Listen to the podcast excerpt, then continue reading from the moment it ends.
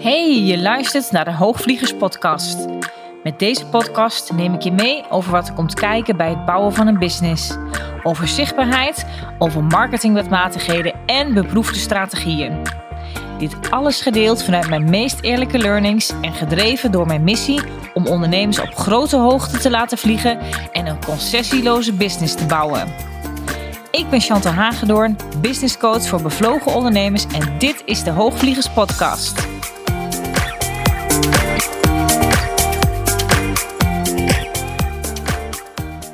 Hey, welkom alweer bij de 37e aflevering van de Hoogvliegers Podcast. En laat ik deze aflevering eens beginnen om te zeggen dat ik het super vind dat je er bent. Dank je wel hiervoor.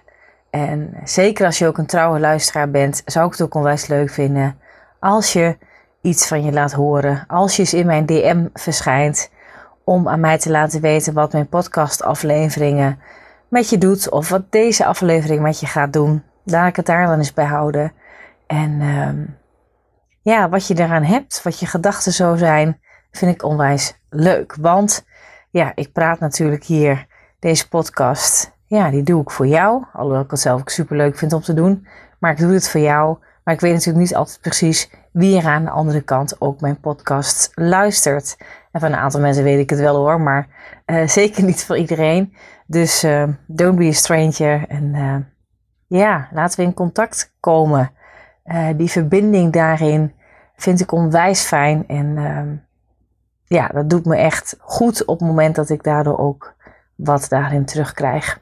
Alright, wat ik vandaag met je wil bespreken is wat je kunt doen bij uh, afhakers na een sales call. Nou, dat klinkt een beetje, klinkt een beetje bouten, afhakers. Maar goed, weet je, ik denk dat we hier allemaal wel eens mee te maken hebben. En dus ook zelfs al als men in een gesprek dus bijvoorbeeld met je al ja heeft gezegd. En als het dan uiteindelijk toch nog in een nee resulteert, ja, dan kan je daar soms best wel een deuk van krijgen. en dan moet je je ego soms weer een beetje oppoetsen.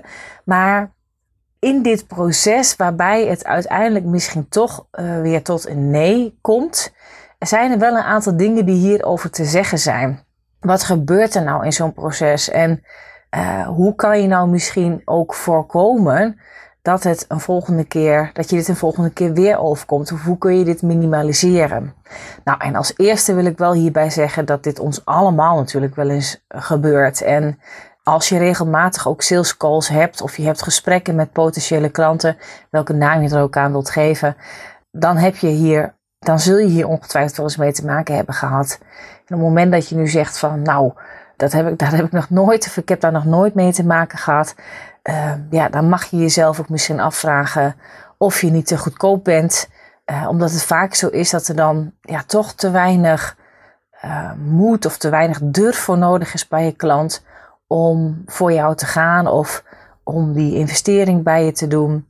En het vaak ook niet tot de allergrootste transformaties dan gaat leiden. Omdat je klant zich daardoor uiteindelijk niet genoeg uh, gestrest voelt om echt tot een grote transformatie te komen. En ik durf ook wel te stellen dat je hiermee ook jezelf niet voldoende uitdaagt en jezelf ook niet voldoende stretcht om ook die grote transformatie bij jouw klant te bewerkstelligen. En dat begint eigenlijk al, het proces start al met een hoger tarief bijvoorbeeld. Uh, mogen vragen voor de diensten die jij levert aan jouw klant. En dat vraagt namelijk immers in eerste instantie al iets van jezelf. Nou, je kan dan jezelf afvragen hè, of je dit herkent bij jezelf en of dit eh, zeg maar zo is wat je wilt. Weet je, ik heb ook wel eens mensen gehad, wanneer ik het wel eens had over ratio's en conversieratio's en dat uh, ook een klant wel eens tegen mij zei: Ja, ik heb uh, eh, 90% die zegt gewoon ja en heel trots en heel blij daarmee. En natuurlijk zegt het ergens iets over je en kan je daar blij mee zijn. En, maar op het moment zeker dat je bijvoorbeeld al geruime tijd op zo'n 90% zit, ja, dan durf ik wel te stellen dat je goedkoop bent en jezelf dus eigenlijk niet meer voldoende stretch. Want het liefste zou je, nou ja, laten we zeggen, zo op die 60 65, nou misschien 70 procent eh, willen zitten die bijvoorbeeld ja zegt. En dienen er ook altijd wel een aantal nee's te zijn. En ik denk juist door die nee's ga je jezelf stretchen en ga je veel betere sales skills voor jezelf ontwikkelen. Op het moment dat iedereen eigenlijk altijd maar ja zegt tegen je, en je dus misschien kan concluderen dat je daardoor ook te goedkoop bent, in hoeverre zijn dan je sales skills eigenlijk ontwikkeld? Want ik denk dat je dan de echte skills helemaal nog niet echt hebt uh, hoeven in te zetten. Dus het is misschien goed om daarover na te denken. En ik heb af en toe een beetje een kikker in de keel, dat moet ik wel zeggen, want ik, mijn stem is niet heel erg uh, stemvast op het moment. Dus het kan zijn dat ik af en toe even een slokje water moet drinken of even iets meer pauzetijd nodig heb tussen mijn zinnen. En ik doe meestal met mijn podcast een one, uh, een one take. Dus nee, ik, ik stop niet. Ik praat gewoon in één, in één stuk door. En uh, natuurlijk heb ik wel iemand, Tiana, die mijn podcast altijd edit na de tijd. En uh, we kunnen er wel eens wat tussenuit knippen en dergelijke. Als ik nou echt in die gigantische hoestbui beland, dan laat ik dat er echt niet in zitten.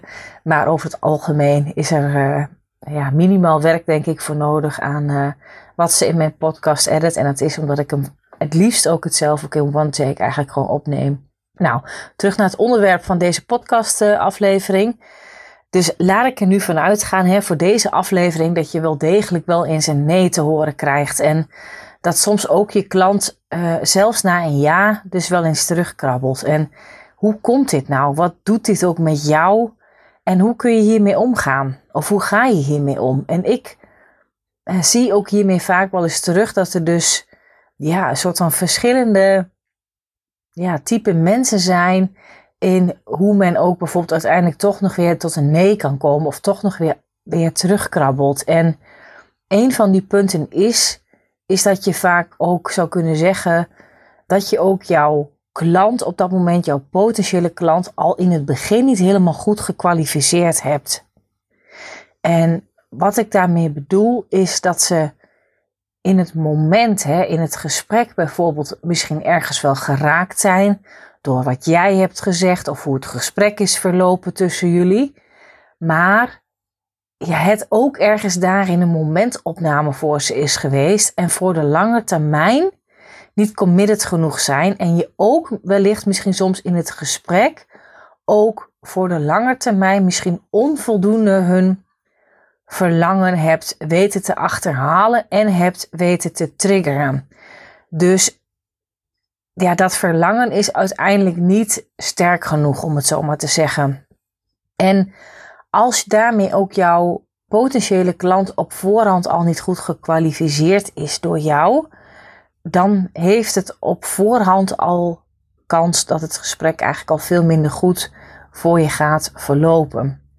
Ehm, je bent misschien zelf wel eens met iemand in gesprek gegaan, terwijl je zelf al wel wist dat het niet helemaal een ideale klant was ja, waarom ga je dan toch met zo iemand in gesprek? En soms heb je dat ook nog te leren om ook echt aan de voorkant te mogen kwalificeren op ook bijvoorbeeld een aantal kenmerken. Dus welke kenmerken heeft nou ook jouw ideale klant? En kun je daar nou ook echt heel goed al op kwalificeren aan de voorkant? Er zijn er ook een aantal mensen uh, of een aantal zaken die je daarbij bijvoorbeeld al kunnen helpen. Daar zal ik straks nog wel iets meer over vertellen. Maar een van die dingen is bijvoorbeeld om van tevoren een vragenlijst uh, toe te sturen. Dat mensen die invullen en op basis van de antwoorden die men daarop al geeft, kun je eigenlijk al wel zien of iemand daadwerkelijk al wel goed genoeg gekwalificeerd is. Op het moment dat je niet zo'n vragenformulier hebt, of je vraagt al een aantal belangrijke, of je vraagt al een aantal vragen maar de meest cruciale en de meest belangrijke vragen, die stel je nog niet in zo'n vragenformulier. Waardoor je eigenlijk ook niet helemaal 100% goed kunt kwalificeren aan de voorkant. Dan merk je ook dat je toch eigenlijk al op een soort van ja, 1-0 of een 2-0 achterstand in het gesprek begint.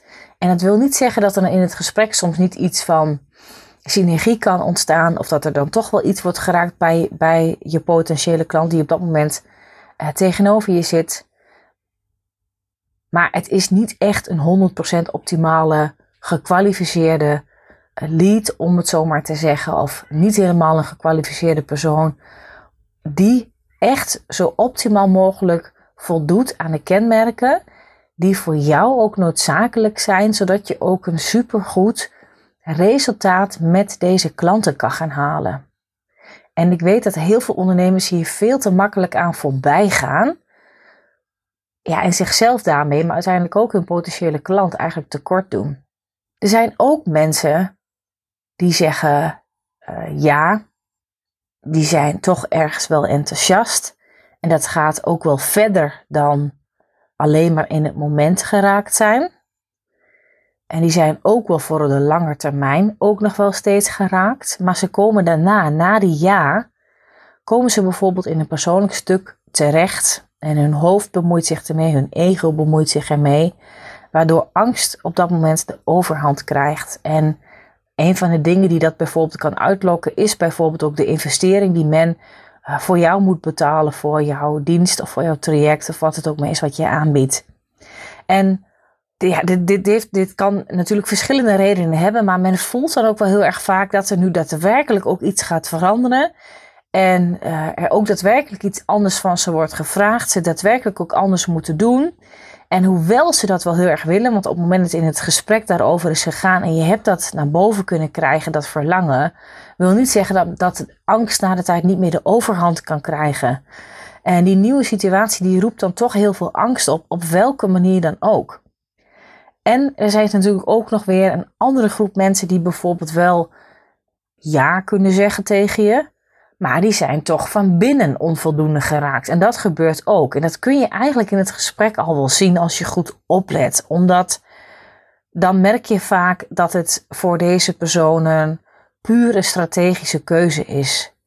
Het kan dan ook wel zijn dat ze iemand zegt van ja, ja, dat lijkt me wel slim om te doen. Of ja, ik, ik hoor dit ook van je en ik merk ook dat jij er heel veel van weet. Uh, waarbij ze eigenlijk dan bijvoorbeeld zinnen zeggen zoals van... Uh, ja, dat ze het eigenlijk naar jou teruggeven. Of ja, daar heb jij ook bijvoorbeeld gelijk in. En dat is natuurlijk helemaal niet waar het in een salesgesprek over dient te gaan. Omdat het helemaal niet gaat over van ja, maar daar weet jij ook heel veel van. En, en dat daar dus uit blijkt dat zij daarin dus minder van weten. Of, uh, of dat uh, ik mogelijk ergens bijvoorbeeld gelijk in heb als het in zo'n gesprek zou zijn. Of als het jouw gesprek is dat jij mogelijk ergens gelijk in hebt. Het zijn wel sommige zinnen die, die je potentiële klant dan wel kan zeggen hierin, omdat ze daarmee uiteindelijk wegstappen van hun diepere verlangen. En je wil het liefste in een salesgesprek of in een matchcall, wil je het liefste dat dat diepere verlangen echt geraakt wordt eronder bij jouw klant. En dit is al met al, want ik benoem hier nu een aantal type mensen, maar het de, ja, je kan dit natuurlijk nog veel verder uitsplitsen. Maar ik denk dat dit al met al is dit best een complexe materie. Omdat er is zoveel wat er allemaal bij een ander kan gebeuren. En er is ook zoveel wat je ook door bijvoorbeeld een match komen, ook in het proces wat er vooraf is en ook een proces wat je ook achteraf nog kan doen, vertel ik straks ook nog wel iets meer over, wat er bij de ander kan gebeuren. In wat er uh, in het proces eromheen allemaal meespeelt bij iemand, waarom iemand uiteindelijk toch terugkrabbelt en hoe je hier dus ook op reageert. En er spelen ook uh, andere zaken mee, hè? Net zo goed in, in hoe je gesprek is geweest met deze persoon op dat moment, hoe het contact is geweest, hoe de ander ook op jou reageerde, of de ander ook echt ontvankelijk was voor je. En ik kan dus ook nooit daarom zomaar huppakee één op één zeggen van ja, als iemand dit uiteindelijk zegt of als iemand terugkrabbelt, terwijl iemand eerder wel ja heeft gezegd, dan moet je dit doen en dan moet je zo handelen of dan moet je dit nu gaan zeggen. Nee, dat is te simpel. Want kwalitatieve, hard-driven sales, dat draait om psychologisch en om menselijk inzicht. En dat is, dat is gelaagd. Dat is altijd gelaagd. En er is zoveel nuance zit hierin. Ik hoop dat je dat uh, voelt, dat je die meekrijgt van me. En natuurlijk zijn er wel een aantal dingen die je daaraan kan doen. En die, daar neem ik je zo meteen ook nog in mee.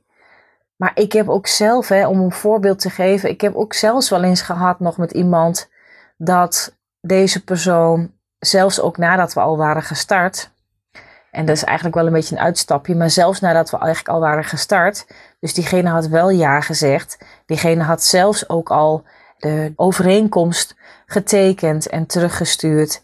En op een kick-off meeting benoemde ik een aantal dingen die ook van belang waren. Het was een kick-off meeting van een jaartraject waar diverse ondernemers een gelijktijdig instapmoment hadden. Uh, toen had ik nog één bepaald startmoment waarop dus dat jaartraject ook startte. Dat heb ik nu niet meer. Er is nu uh, een doorlopende instroom uh, mogelijk. Maar wat, wat ik vond het wel mooi, is dat zij na, dat, na die kick-off sessie, ik moet er nu om lachen, maar op dat moment was dat natuurlijk helemaal niet zo leuk. Al kon ik daar wel heel goed met deze persoon over praten. Dat was wel heel erg prettig. Dat deze persoon toch uiteindelijk zo ja, geraakt was door de kick-off sessie en door dat startmoment. En ook over van alles wat ik ook uiteindelijk ging vertellen over wat er van deze ondernemers eh, zou worden gevraagd in het jaar. Wat zeg maar een soort van uh, ja, de vooravond van hun nieuwe uh, ondernemersjaar zou zijn. En ik denk ergens dat het ook een stuk angst ook destijds bij haar heeft geraakt. Maar ook heel erg een stuk van ja, maar dit is dit is toch niet wat ik wil. En weet je, om wat voor reden dan ook. En het gaat ook helemaal niet om deze persoon. Eh, want deze persoon heeft daar uiteindelijk de eigen redenen voor gehad. Maar ook dat kan dus uiteindelijk uh, gebeuren. En het is niet helemaal waar deze podcastaflevering over gaat. Want dan zou je bijvoorbeeld ook een podcastaflevering zou ik hier nog specifiek over opnemen. Van ja, wat te doen als iemand wil stoppen met je traject. Nou, en dat maakt ook nog wel verschil, vind ik, als dat gebeurt. Uh, want ook dat heeft, hebben we vaak ook allemaal wel eens een keer mee te maken gehad. Als dat gebeurt, zeg maar halverwege een, een, een, een traject, of dat het in het staartje van een traject gebeurt, of zoals in dit geval was het meteen naar de kick-off uh, meeting. Ja, weet je, we zaten nu nog zo aan het begin van het traject. En, en natuurlijk er zijn mijn algemene voorwaarden, die wijzen dan uit dat in principe iemand gewoon de, ja, de betaalverplichting, om het, om het zo maar te noemen, ja, die blijft in feite intact. En die moet iemand dan uh, gewoon voldoen. En daar heb je dan ook voor getekend. Daar zijn mijn algemene voorwaarden heel duidelijk over. Juist ook om niet in, om in discussies te verzanden met klanten over wat wel een legitieme reden is en wat niet een legitieme reden zou zijn. Daarop maak je dus algemene voorwaarden. En dat is gewoon een zakelijk iets. Maar in dit geval heb ik deze ondernemer niet helemaal aan de betalingsverplichtingen gehouden. En ze heeft echt wel uh, iets betaald. En dat, uh, daar zijn we ook heel goed uh, over, over uitgekomen samen. We hebben daar ook een heel fijn gesprek nog over gehad. Naar de hand. En dan denk ik, ja, en zo kan het ook gaan. Want uiteindelijk, weet je, heb ik er zelf ook niet zoveel aan. Maar ook dit is genuanceerd. Ook dit proces wat ik je hier zo eigenlijk even off-topic vertel. Ook dit proces is genuanceerd. Omdat je ook ook hier kan je nooit zeggen één op één van dit is hoe je het moet doen. Als je hier een één op één antwoord op zou willen hebben van mij, ja, dan gaan daar je algemene voorwaarden over. En die zijn, ja, die, die zou je dan daarmee als sluitend uh, kunnen laten zijn. En het is ook fijn dat die er zijn. Zeker op een moment dat je er niet goed met elkaar over in gesprek kan. En er bij wijze van mogelijkerwijs wel een geschil uh, zou uh, komen. Dan zijn die algemene voorwaarden natuurlijk ontzettend helpend. En uh, die algemene voorwaarden, die stuur je natuurlijk ook altijd al voorafgaand aan een samenwerking, uh, stuur je die mee. En daar tekent de klant op dat moment net zo goed voor. Maar in dit geval uh, hebben wij daar heel goed over kunnen praten samen. En had ik er zelf ook niet zo heel erg veel aan om haar bewijs van nog wel voor een jaar te laten betalen, terwijl het jaar net was gestart. Ze zo helder was en zuiver was over haar redenen waarom ze toch niet in het jaartraject wilde stappen. En waardoor ze uiteindelijk toch ja, in beginsel in eerste instantie wel ja, zou hebben, ja had gezegd. En dan kun je daar ook over met elkaar in gesprek. En het is natuurlijk altijd aan jou als ondernemer over hoe je daar dan op dat moment in die situatie daarmee om wilt gaan. En ik weet nog dat zij mij na de hand nog een cadeautje heeft gestuurd. Juist omdat we daarmee ook zo goed uit elkaar zijn gegaan. En ja, dat vond ik toch ook wel heel bijzonder om te delen. En ik denk ook van, ja weet je, ik heb er uiteindelijk ook niks aan in zo'n geval om iemand ergens te houden als iemand daar niet echt wil zijn. En ja, dan duurt een jaar nog lang. En dan kun je ook zeggen, ja oké, ze kan eruit stappen, maar de betalingsverplichting blijft wel.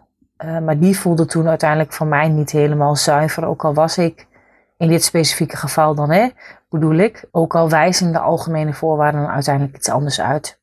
Dus die is ook goed om te zeggen, maar eigenlijk is dit voer voor een hele uh, podcast aflevering uh, aan zich. Net zoiets als mogelijke bezwaren die je ook bijvoorbeeld kan krijgen in een sales call. Maar dit is dus eigenlijk al een moment nog als iemand ja heeft gezegd, je hebt een gesprek, je hebt een match call, je hebt een sales call met iemand gehad en iemand zegt ja en vervolgens wordt het toch een nee, wat je dan vervolgens daaraan kan doen. Dus het is eigenlijk nog voordat iemand uiteindelijk ook een overeenkomst heeft getekend. Nou, als eerste, en die noemde ik uh, net ook al in het begin van de aflevering, is dat je dus je lead heel goed kwalificeert. Dat je deze persoon heel goed kwalificeert. En dat je dus echt gaat kijken voor jezelf of deze persoon aan de kwalificaties voldoet om heel succesvol te worden als jouw klant. Weet je, als je al een tijdje onderneemt, dan weet je welke klanten bij jou de beste resultaten hebben behaald. En deze mensen hebben een aantal kenmerken. En die moet je weten van je klant, want op deze kenmerken kun jij dus selecteren. Ja, dat, dat, dat, die kenmerken die kunnen heel divers zijn. Maar voor mij is het ook al wel dat mijn meest ideale klant, die heeft al, al een bepaald omzetniveau bereikt. Mijn meest ideale klant, die is ambitieus. En die heeft bijvoorbeeld ook al een bepaalde mate van, ja, ook al een, aan een bepaalde mate aan persoonlijke ontwikkeling gedaan. Het is iemand die wel dus ergens emotioneel volwassen is, die bepaalde, uh, die gewend is om al wel met wat doelen te werken en die visie heeft, die leiderschap toont al in haar leven of in, in, in, in zijn of haar bedrijf en op de manier waarop deze persoon uh, doelen nastreeft en hoe deze persoon is, dus op niveau. Daar zitten echt al een aantal hele belangrijke kenmerken en haakjes die ik voor mijn meest ideale klant heb bepaald. En die kun jij ook voor jouw meest ideale klant bepalen. En in mijn geval gaat dat verder dan wat je wel eens ziet met kenmerken die worden gevraagd bij een ideale klant. Als jij heel goed erachter wil komen over oké, waar zit nu specifiek de pijn en het verlangen bij mijn meest ideale klant? Of wat is het probleem en wat is de pijn en wat is het verlangen van mijn meest ideale klant? Die je dus in jouw vaak inzet in je marketing en om content te maken voor je meest ideale klant. Want ik zie dat we wel heel vaak geneigd zijn om die kenmerken wel helder te hebben voor onszelf.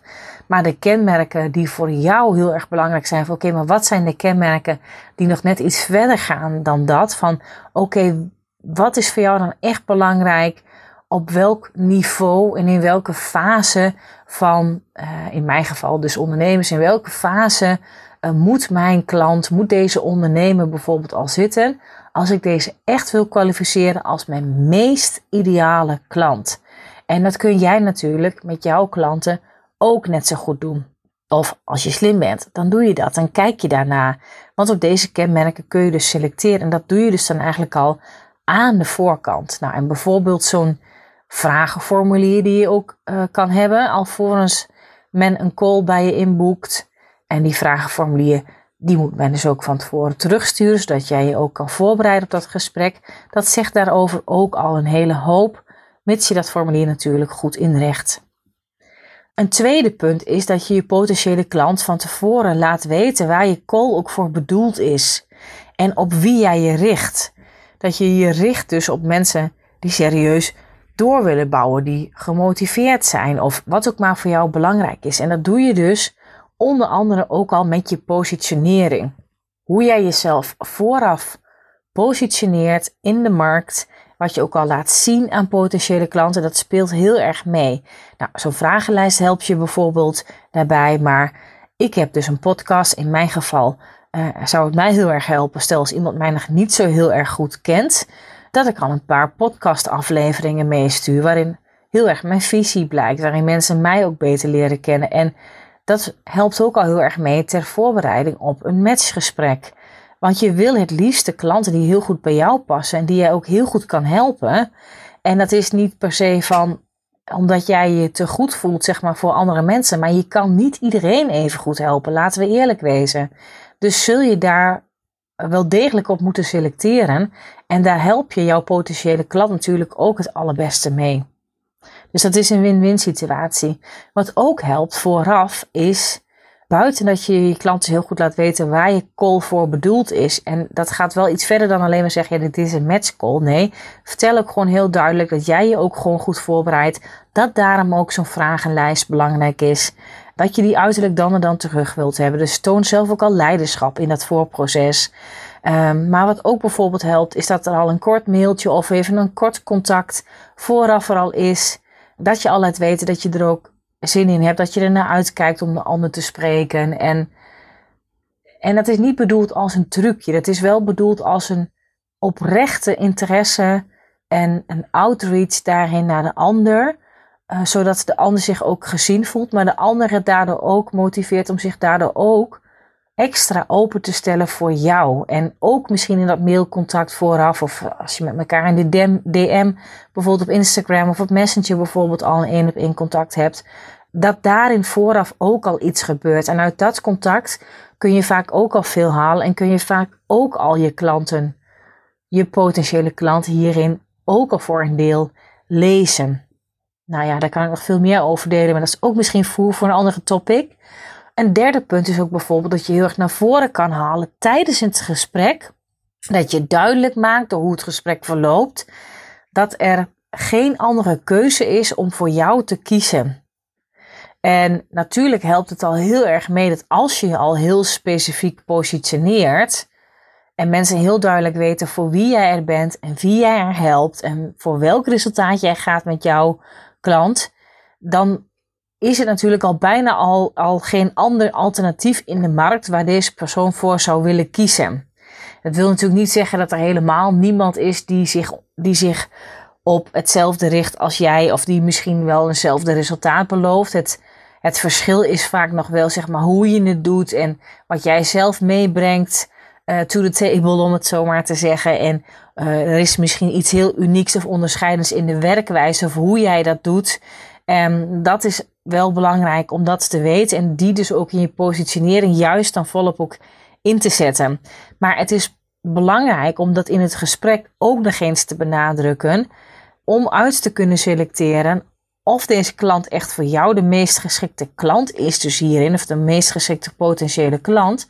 Maar ook dat je wel moet laten zien dat waar deze klant dus op probleem op ervaart en waar de pijn zit en waar het verlangen zit, of waar deze klant het liefst naartoe wil, dat jij die weg in het, in het salesgesprek of in zo'n matchcall wel laat zien. Dus dat je laat zien wat uh, de mogelijke route gaat zijn, waar jij bij uitstek geschikt voor bent, waar jij deze persoon precies op kan helpen. En dat is wel wat je klant nodig heeft van jou, zodat jij ze ook in het gesprek ook mag helpen om een, daadwerkelijk een keuze voor jou te kunnen maken. Snap je wat ik daarmee bedoel? Een vierde punt is dat je je klant ook voorbereidt op wat er na de ja gebeurt. En ja, daar bedoel ik niet mee van ja, wat er daarna in praktische zin gebeurt. Die is ook belangrijk. Maar ik bedoel in eerste instantie in wat er in iemands hoofd kan gebeuren. En zeker als het gaat om een hogere investering, wat de ander in jou investeert, is dit wel degelijk van belang, omdat je hoofd er altijd wat van gaat vinden. En er zijn klanten die zijn echt super exciting en die dansen uh, een dansje door de woonkamer als ze ja hebben gezegd uh, tegen mij. En ja, die zijn super blij. Uh, maar er zijn ook mensen, en soms kan het ook nog wel gebeuren nadat je super blij bent. Maar als je dan daarna bijvoorbeeld diezelfde avond in bed ligt, je hoofd je je hoofd zich er toch mee gaat bemoeien.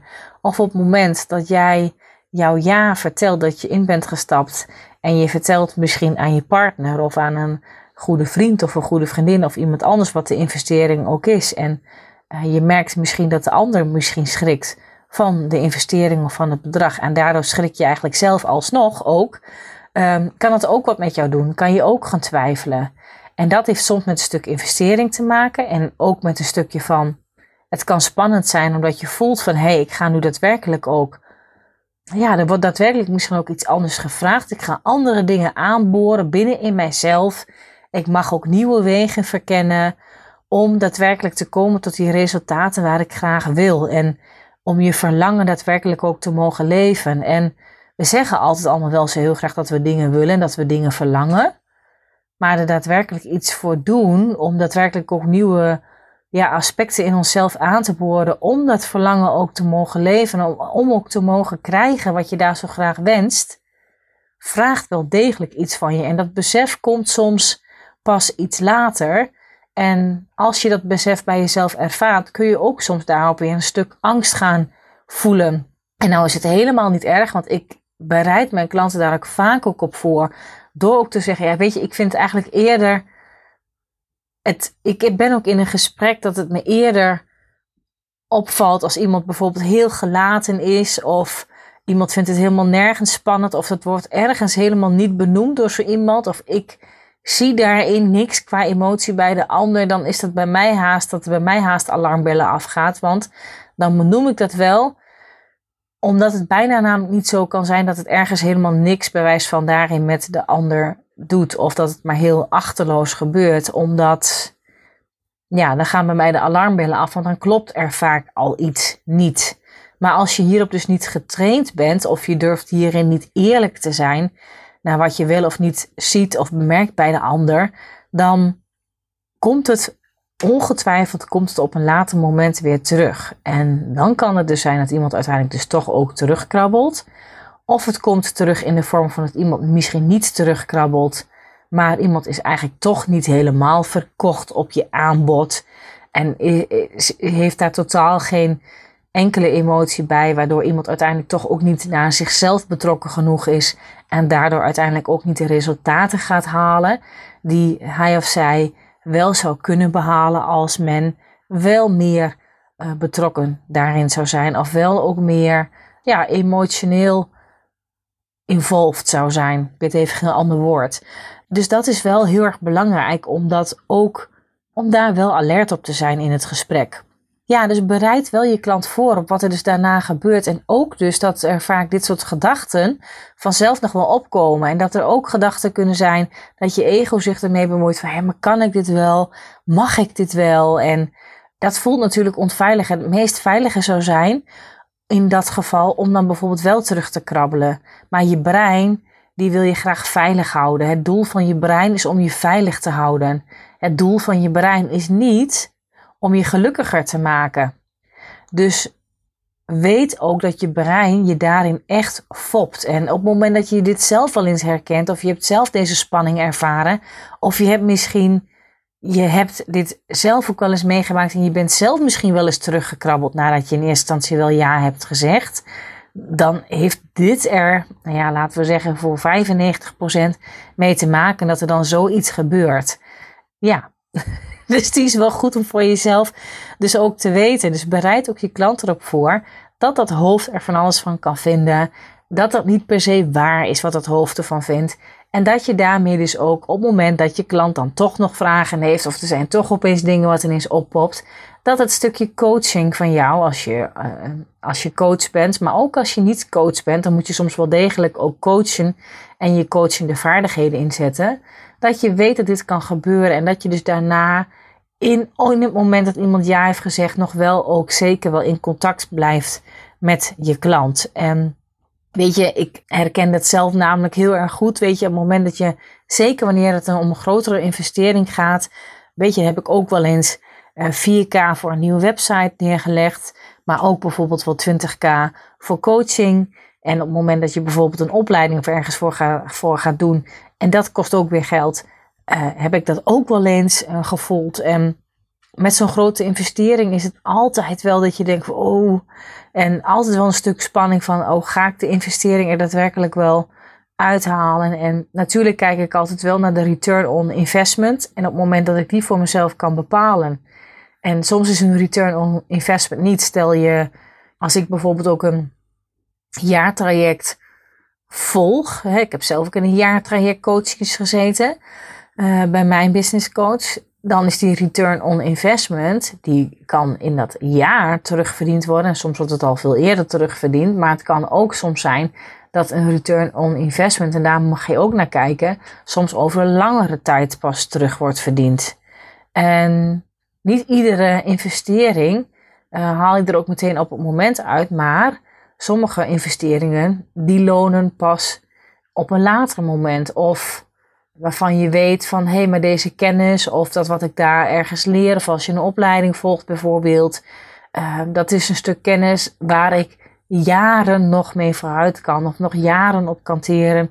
En waardoor dus die return on investment eigenlijk over meerdere jaren verspreid zou moeten worden. En dat is ook goed om soms ook daarmee gewoon heel en daarmee ook heel zakelijk ook naar dat soort investeringen, dat je daarmee ook daarna mag kijken. Maar je voelt hè, vaak die spanning omdat het gewoon een grote stap is. Het is een hoop geld. En het is ook voor jezelf denk ik belangrijk dat als je zelf ook hoge tarieven vraagt aan jouw klant, of je bent van plan om een hoger tarief te gaan vragen, dan zul je dit zelf ook ergens moeten hebben doorleefd. Dus ja, er is ook wel zo'n zo'n quote van ja, je kan niet een tarief vragen voor jezelf als je dat tarief zelf ook nog nooit ergens anders hebt uh, betaald. Nou, vind ik die helemaal waar. Ik denk dat die voor een heel groot deel dat ik daar wel mee eens ben, omdat je dat anders niet zelf hebt doorleefd. Je weet niet wat het echt helemaal is om een bepaald tarief dan ook te dragen. En ja, ik, ik zal er ook altijd naar kijken, ook wel van hoe ga je eigenlijk zelf met geld om, hoe ga je zelf om met investeringen. Als je zelf al eens terugkrabbelt of als je regelmatig terugkrabbelt, daar mag je er zeker naar kijken. Want dat zegt namelijk ook iets over jou. Het zegt iets over de energie die je daarin meestopt. En het zegt ook iets over hoe jouw klanten vervolgens ook weer bijvoorbeeld bij jou met de investering omgaan. En wat je daar mogelijkerwijs ook weer in het proces kan tegenkomen. Dus de vijfde punt die ik wil meegeven is dat natuurlijk, en dat is wel het praktische punt, dat je zelf ook een goed onboardingsproces kan hebben voor jezelf. Um, dus dat je ook in praktische zin je klant gaat vertellen wat er gaat gebeuren na een jaar. Dus emotioneel gezien, psychologisch gezien kunnen er een aantal dingen gebeuren. Maar praktisch gezien ook dat er bijvoorbeeld nog een mail komt. En wanneer komt die mail dan? Waarin een aantal praktische zaken genoemd staan. Zoals bij mij is het bijvoorbeeld ook dat ik dan vertel dat men ook nog toegang krijgt tot de academie. Dat er in die academie een kalenderoverzicht staan waar alle data staan genoemd. Uh, met daarachter ook de Zoom-links van het programma van het komende jaar. Ik plan dat vaak voor een hele tijd al vooruit. Wanneer de coachcalls zijn. Um, dat men ook een, een, een persoonlijke Zoom-link met mij krijgt voor de één op één coachcalls. Hoe het uh, jaarplandocument werkt die ze van me krijgen. Op welk moment we een kick-off gaan inplannen. Nou, en al die soort dingen. Bij, met wat voor soort type vragen mijn klant terecht kan. Uh, bij mij, dat gaat bij mij met name om de inhoudelijke vragen, dat ze bij ander soort type vragen, meer van organisatorische aard bijvoorbeeld, dat ze dan terecht kunnen bij mijn team en welk e-mailadres daarbij hoort. Nou, allemaal van dat soort dingen. En dat vertel ik ze allemaal niet meteen, dat ik ze daarmee meteen overlaat naar die ja. Maar dat zijn wel dingen die in het onboardingsproces daarna, die daarmee wel allemaal aan bod komen. Uh, ja, dus dat is wel belangrijk dat je dat wel even kort al kan aanstippen. Dat je klant weet van oké, van en nu. Dat je klant ook daar vervolgens ook alweer in, ja, noem het dan gerustgesteld kan worden. Dat deze zaken ook allemaal wel aan bod komen. En ja, dat het goed geregeld is. En dat, dat, uh, dat je klant merkt van oké, ik ben ook hier in goede handen. En dat heeft je klant nodig. Zeker en juist na zo'n belangrijk moment denk ik als dat er een ja is gekomen en dat er een, ja, een celebration moment is geweest, is ook enorm belangrijk, hè? Dat je, dat je het ook viert, dat je ook zegt dat deze persoon er trots op mag zijn op het moment dat er een ja is, is geweest. Nou goed, en deze call, of deze call, het is geen call, deze podcast die gaat er natuurlijk over wat je kan doen, dus zeg maar op het moment dat iemand toch terugkrabbelt na een ja. Maar dit zijn dus belangrijke elementen dat je die eraan kan toevoegen. Dat je kan kijken in je proces, hey, in welke mate doe ik dit nu al? En dit helpt en dit draagt bij om eigenlijk zo min mogelijk eigenlijk nog weer mensen te krijgen die uiteindelijk toch weer terugkrabbelen. En dat is omdat je dit allemaal niet, als je het allemaal niet zou benoemen, het niet aankaarten, dit niet ook in een onboardingsproces voor je klant heel goed verwerkt, kan je klant er allemaal dingen zelf bij gaan bedenken. En dat hoofd dat draait op volle toeren. Geloof mij maar op het moment dat iemand net ja heeft gezegd tegen je. Waardoor als je dus onduidelijk bent over wat er daarna gaat gebeuren, schept dat onnodige ruis op de lijn. Wat ook mee kan spelen, wat ook soms uh, bepaalde angsten extra kan triggeren bij je klant, waardoor iemand uiteindelijk ook terugkrabbelt. En dan heeft het er niets mee te maken dat deze persoon niet bij jou in het traject heel goed zou passen, of misschien niet helemaal goed dat zij naar haar recht zou komen, maar omdat er daarna allerlei dingen toch onduidelijk zijn en dit mogelijkerwijs iets anders kan triggeren bij jouw klant, bij jouw potentiële klant in deze, ja, raak je iemand toch ergens in het proces erna kwijt. Nou, eh, de laatste, uh, of een van de laatste punten is ook, ja, wees ook zelf geen afhaker. Dus ja, als je zelf een, een, een ja geeft ergens voor, probeer ook voor jezelf daarin zuiver te zijn. Voor jezelf ook te kunnen doorvoelen dat het ook voor jou ook een ja is. Wat ik net namelijk ook zei. Want als jij zelf namelijk ook wel eens terugkrabbelt of niet overtuigd ja zegt, is dit iets wat je in je eigen energie ook meeneemt. Weet je, je zult zien dat je dan dit ook ergens zelf met je eigen klant in je eigen business uh, gaat meemaken. En ik denk als laatste punt om ook goed te noemen is, mocht dit nou toch gebeuren, en het gebeurt altijd wel eens, wees dan ook niet boos op die ander. En ja, dit klinkt misschien, misschien kan je hierom lachen, maar ja, ik, ik denk wel dat mensen soms boos zijn. boos of verongelijkt, omdat, het, uh, omdat diegene uiteindelijk toch terugkrabbelt, terwijl diegene wel ja had gezegd. En jij misschien denkt van ja, maar ik had het toch allemaal zo goed geregeld. Of ik, ik, uh, we hebben het toch juist allemaal zo goed uh, doorgenemen. En diegene was blij. kan die, je voelt zelf dat in je tenen dat je misschien die ander heel goed kan helpen. en dan heb je misschien zelf daar een stuk frustratie over. En weet je, natuurlijk mag je het jammer vinden of mag je ook misschien soms zelfs teleurgesteld zijn. Het wil niet zeggen dat je deze gevoelens niet mag toelaten, dat je dit niet mag voelen. Maar weet wel dat het in die end, dat dit stuk altijd iets over jou zegt. En over, ja, dat er dan bepaalde thema's toch nog in jouzelf geraakt worden. Of dat het daar nog iets triggert. Ja, waar je mogelijkerwijs zelf nog eens naar zou kunnen kijken. En ik denk ook wel eens, weet je, als iemand ook terugkrabbelt. Ga maar eens terug voor jezelf in de gesprekken waar dit misschien nu gebeurt. Of misschien niet altijd per se als iemand terugkrabbelt na een jaar, maar ook als je in een call misschien zit of in een matchgesprek met iemand zit en je merkt ergens dat het gesprek misschien niet helemaal lekker loopt of dat het ergens stroef loopt, is is ook wel, of als je soms merkt van hé, hey, iemand moet er nog over nadenken, of iemand maakt misschien soms op dat moment nog geen keus bijvoorbeeld voor je, kun je vaak ook al wel zien dat er bepaalde ja, rode vlaggen eigenlijk al wel zijn uh, uitgestoken. En het is zaak voor jezelf om ook alert te zijn op dat soort rode vlaggen. Waarbij ik niet wil zeggen hè, dat, dat iemand nooit mag besluiten met dat iemand er toch nog over na zou moeten denken, of dat er nog geen dat iemand altijd maar meteen in het gesprek tot een ja zou moeten komen. Maar wat je wel wil weten, denk ik, in een gesprek met je klant is wat het dan ook precies is waar die ander nog over na zou willen denken. En dat jij, dat jullie allebei, denk ik, heel goed weten in het gesprek waar het nou precies over gaat. Waarom de ander nog twijfelt of waar de ander nog over na wil denken. Of ja, wat de ander misschien ook mogelijkerwijs nog met iemand anders zou willen bespreken hierover. Dat je allebei weet dat het over hetzelfde gaat. Meestal is dat namelijk niet zo ja, dat, dat, dat vraagt ook eerlijkheid van jezelf om dat ook te mogen benoemen, om daar en ik te mogen doorvragen in dat gesprek. Nou, wat zijn bijvoorbeeld nu een aantal van die uh, rode vlaggen? Is dat iemand bijvoorbeeld een gesprek op het laatste moment afzegt. Natuurlijk maakt het altijd nog wel uit wat de reden voor afzegging is. Ik bedoel, er kan bijvoorbeeld altijd een calamiteit zijn of um, ja, of, of, er is altijd iets anders aan de hand. Ik bedoel, er is altijd, zijn altijd bepaalde situaties van overmacht te bedenken. Maar op het moment dat iemand een call uh, op het laatste moment afzegt of en daarmee eigenlijk misschien ook niet zoveel respect heeft voor de tijd die jij voor die ander hebt vrijgemaakt, dan kan je dat wel degelijk zien als een rode vlag. Of ja, als iemand hem bijvoorbeeld afzegt en later bijvoorbeeld toch wel weer een gesprek wil voor mij is het dan ook altijd wel belangrijk om wel te weten van de ander. Um, wat maakt dat deze persoon het nu wel wil?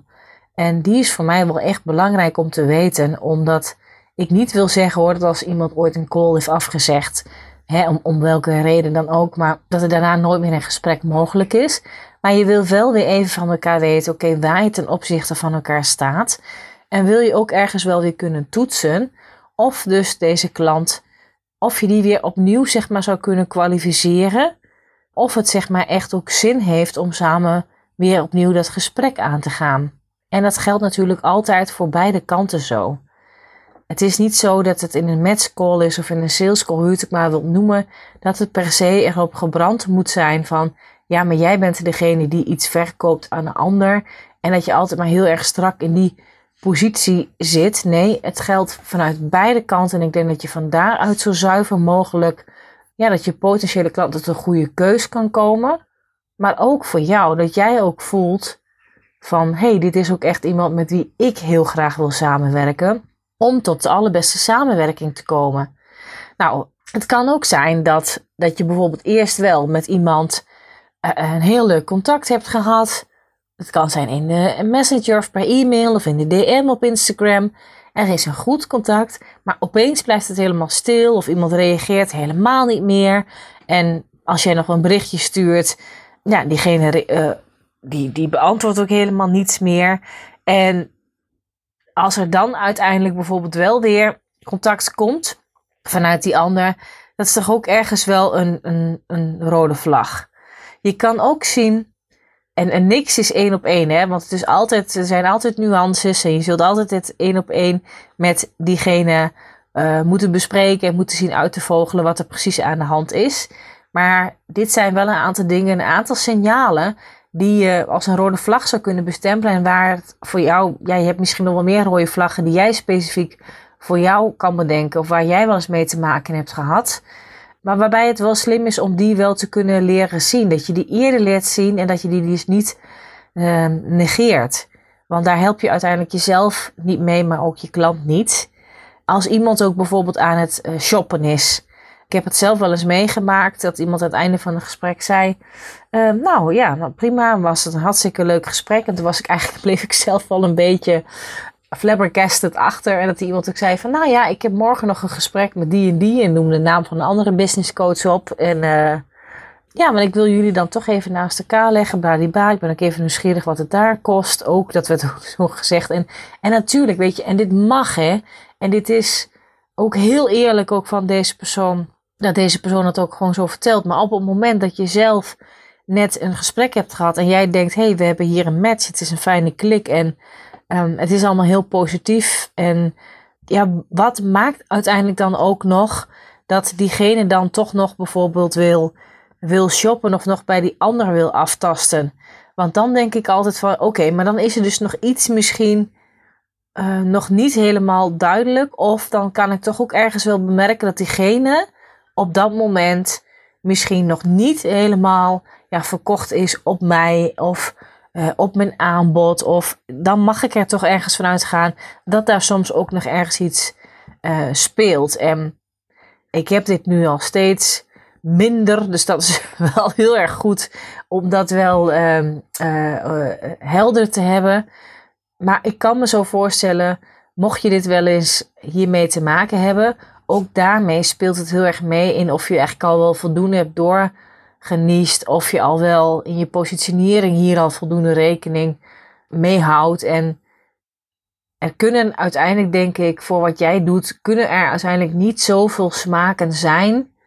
Waardoor iemand ook nog weer zou kunnen zeggen: Oké, ik wil ook nog eens even ergens anders kijken. Het is niet als dat je zeg maar op zoek bent uh, naar een paar nieuwe schoenen en dat je alle verschillende schoenenwinkels in je stad uh, afgaat. Dus ja, daarvoor dient natuurlijk je positionering en je niche en je eigen onderscheidende vermogen. Dat draagt daar heel erg aan bij als je daar ook consistent over kan zijn. Dat aan de voorkant eigenlijk al heel goed kan neerzetten.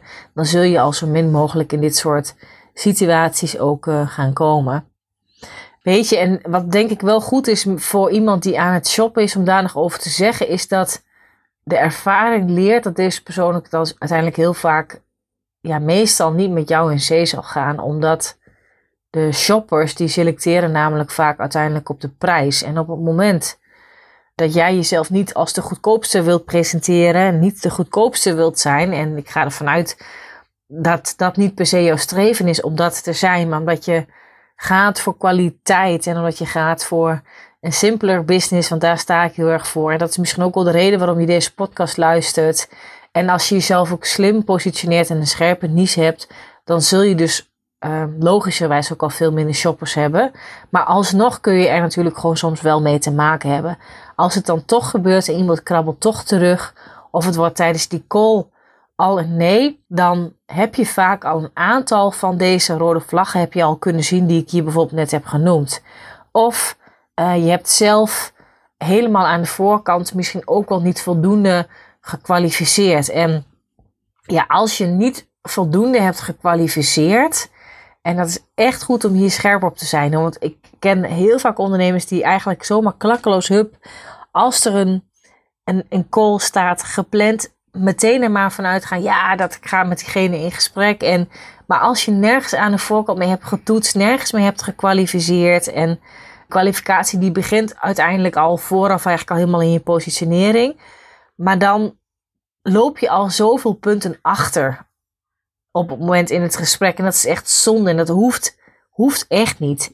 En dat scheelt jouw tijd, het scheelt je potentiële klant tijd. En het gaat je heel erg helpen dat je met zoveel mogelijk uh, goed gekwalificeerde leads, met mensen, met mooie mensen die goed bij jou passen, dat je daarmee om tafel komt. Weet je, en, je kan daarin ook bijvoorbeeld kijken van hoe lang volgt deze persoon je bijvoorbeeld al? Wat weet deze persoon al over jou en over jouw werkwijze? En dan kun je dus ook terugkijken in het proces als het toch gebeurt van hey, wat is er in het proces ervoor al niet goed gegaan? En misschien ben je nou uiteindelijk toch het gesprek aangegaan omdat je dit zelf heel graag wilde. Jezelf graag ja, een sales call wilde in je agenda. En dat is ook niet per se verkeerd, hè? Maar het is wel goed om bij jezelf te kunnen achterhalen: oké, waar zat het dan precies op? Dat je zelf heel graag een nieuw klant wilde. En dat je dat doel misschien belangrijker hebt gemaakt om te kijken of deze persoon wel voldoende gekwalificeerd was. Of omdat je misschien erg diep van binnen toch nog een overtuiging hebt dat je met iedereen in gesprek hebt te gaan. Want we vinden het vaak ook super lastig om onszelf echt scherp te positioneren, nietwaar? Want je sluit toch op een bepaald niveau mensen uit. Ook al ben je niet voor uitsluiting, je zet natuurlijk niet letterlijk op je website, ja, die en die zijn niet welkom. Dat is niet wat ik bedoel. Maar je begrijpt ook dat wanneer jij in je marketing je op iedereen zou willen richten, je juist niemand aanspreekt. Dus we hebben vaak wel een ideale klant, maar dan nog een stapje verder als je echt door gaat niezen zodat je je op een zo, op een zo smal uh, mogelijk stukje beweegt. Ja, dat is toch ook vaak nog weer echt wel andere koek voor de meeste ondernemers. Maar waarvan ik wel geloof dat daarin wel je grootste winst ligt. En hoe meer je jezelf durft toe te bewegen om naar dat smalste stukje te gaan. En ook dat mag soms een proces zijn, maar hoe, al hoe meer je dat durft om dat aan te gaan, ja, daar zal je ook tot de uh, beste resultaten en tot de grootst mogelijke groei voor jouw bedrijf komen. En ik denk ook dat je daarmee in zo'n salesproces uiteindelijk ook onthecht dient te zijn van het resultaat. Weet je, als je bijvoorbeeld al met iemand DM-contact hebt, of je hebt al een aantal ja, heel waardevolle tips gegeven, die hoor ik ook wel eens van klanten terug. Um, waar diegene dan bijvoorbeeld ook blij mee is. En als je dan in een call met elkaar komt, um, dan mag het natuurlijk niet zo zijn dat jij vindt dat die ander wel zou moeten instappen. Want je hebt al zoveel moeite voor diegene gedaan. Of je hebt al zoveel mooie tips gegeven uh, voor niks. Hè? Dus het is onbetaald. En want zodra je namelijk die energie erin komt dat jij van de ander iets terug gaat verwachten, ja, dan, dan draait die energie natuurlijk volledig in het gesprek. En die is dan niet meer helemaal zuiver. En je bent dan ook niet meer helemaal compleet afgestemd op de ander in het gesprek. Dus ja, voel je wat ik hier bedoel? Ik heb over dit stukje onthecht zijn ook al eerder eens een keer iets in een uh, eerdere podcast daarover verteld. Dat is podcast nummer 30. Hoe je in je salesproces en coaching wilt zijn. Dus die is misschien ook goed om nog eens terug te luisteren als je over dit specifieke topic, over het onthecht zijn, over het uh, ja, belangeloos kunnen geven, uh, als je daar meer over wilt, uh, wilt weten. Omdat, weet je, klanten die spiegelen uiteindelijk natuurlijk jouw binnenwereld. En als je jezelf betrapt op gevoelens van boosheid, op, op wrok, op frustratie of welke emotie dan ook, wees hier dus ook dan alert op. Want het gaat je niet helpen in je ondernemerschap. Dus dan is het zaak om deze gevoelens ook weer ergens los te kunnen laten, om die ook te, te mogen verwerken. En ik help hier mijn klanten ook heel erg mee om ook de emotie, om dat wat er soms onder zit, wat jou triggert, ook soms hoe je zelf in je salesproces bent of ook wat er voor nodig is om op zo'n scherpe niche te mogen zitten, om jezelf nog scherper te mogen positioneren. Wat je tegenkomt in gesprek of in het werken met klanten, dat kan over zoveel lagen gaan, maar om die ook daadwerkelijk als daar iets wordt gedrikkerd en wordt geraakt bij jou, om dat ook te verwerken en je daardoor ook weer vrijer te voelen om in dat proces van, ja, van ondernemersgroei je echt volledig en, en, en vrij weer verder te mogen ontwikkelen.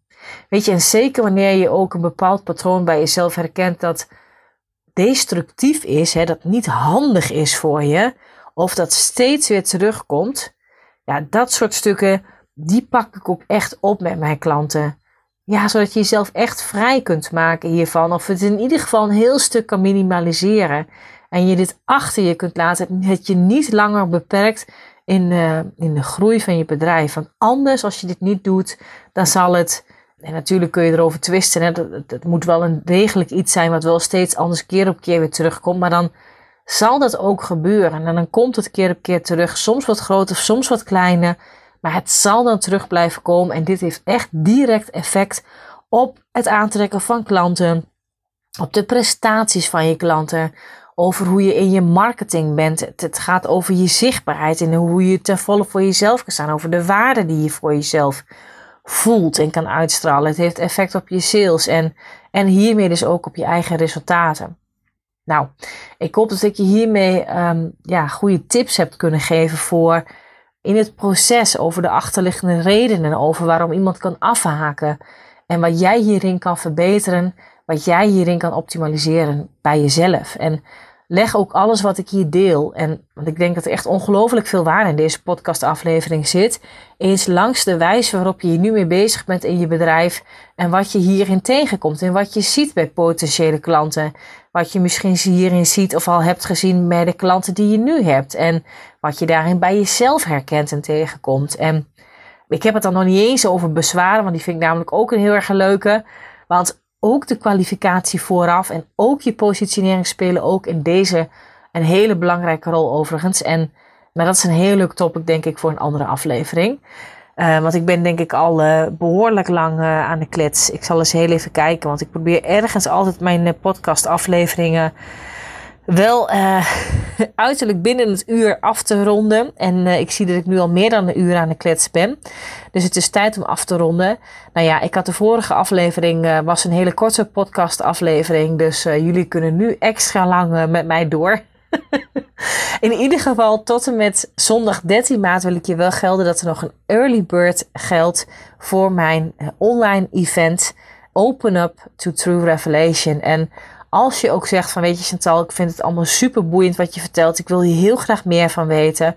Dan raad ik je echt aan om je aan te melden voor dit online event. Die is dus op 1 april aanstaande. Open Up to True Revelation. En dan maken we nog veel meer een deep dive op dit proces geef ik jou de praktische tips en how-to's. Maar focussen we ons er ook op om de ruis die je nu ervaart in je business te minimaliseren. Zodat dus ook de essentie, de kern van wat jij te doen hebt, dat die overblijft. En vervolgens gaan we dit stukje, maar het is dus ook maar een smal stukje dus, we brengen focus aan. Dat stukje gaan we maximaliseren naar je niche, naar je positionering en ook naar je strategieën. En ja, ik kijk daarmee uiteraard ook naar je mindset, naar je kern en ja, dat je echt gaat ondernemen zoals het misschien altijd al wel bedoeld is. En ik zou het echt onwijs leuk vinden als je erbij bent. Um, nogmaals, tot en met zondag 13 maart geldt er een early bird. Um, dus claim je ticket als je dat nog niet hebt gedaan. En uh, daarna kun je ook je ticket nog wel claimen, maar dan gaat wel de prijs omhoog vanaf 14 maart. Ik zou het super leuk vinden als je erbij bent. Het is echt een no-brainer van een prijs. Dit is ook echt een, een prijs die is ook echt eenmalig. Die komt ook echt nooit meer terug op deze manier. En ik weet wel zeker dat de waarde die ik op deze dag met jou ga delen, die is echt vele malen hoger. Dus claim je ticket en zorg dat je erbij bent. En natuurlijk mag je ook altijd al, altijd al gelijk ook een matchcall met mij inplannen. Als je wilt, weten wat ik met mijn jaartraject voor je kan betekenen. En als je hier even één op één met me over in gesprek wilt, dan kan het ook. En je vindt zowel voor het online event of als je met mij wilt inplannen, vind je de linkjes hiervoor in de omschrijving, in de show notes van deze podcast. En uh, dankjewel voor het luisteren weer. En uh, heel graag tot de volgende keer. Dit was hem alweer voor nu. Dankjewel voor het luisteren naar de Hoogvliegers podcast. Heb je inzichten opgedaan naar aanleiding van deze podcast? Leuk als je het met me deelt of een reactie geeft via een Insta DM. Wil je meer weten over wat ik doe of hoe je met mij zou kunnen werken? Check dan mijn website www.chantalhagedoorn.nl Houd je stippen op de horizon en heel graag tot de volgende aflevering.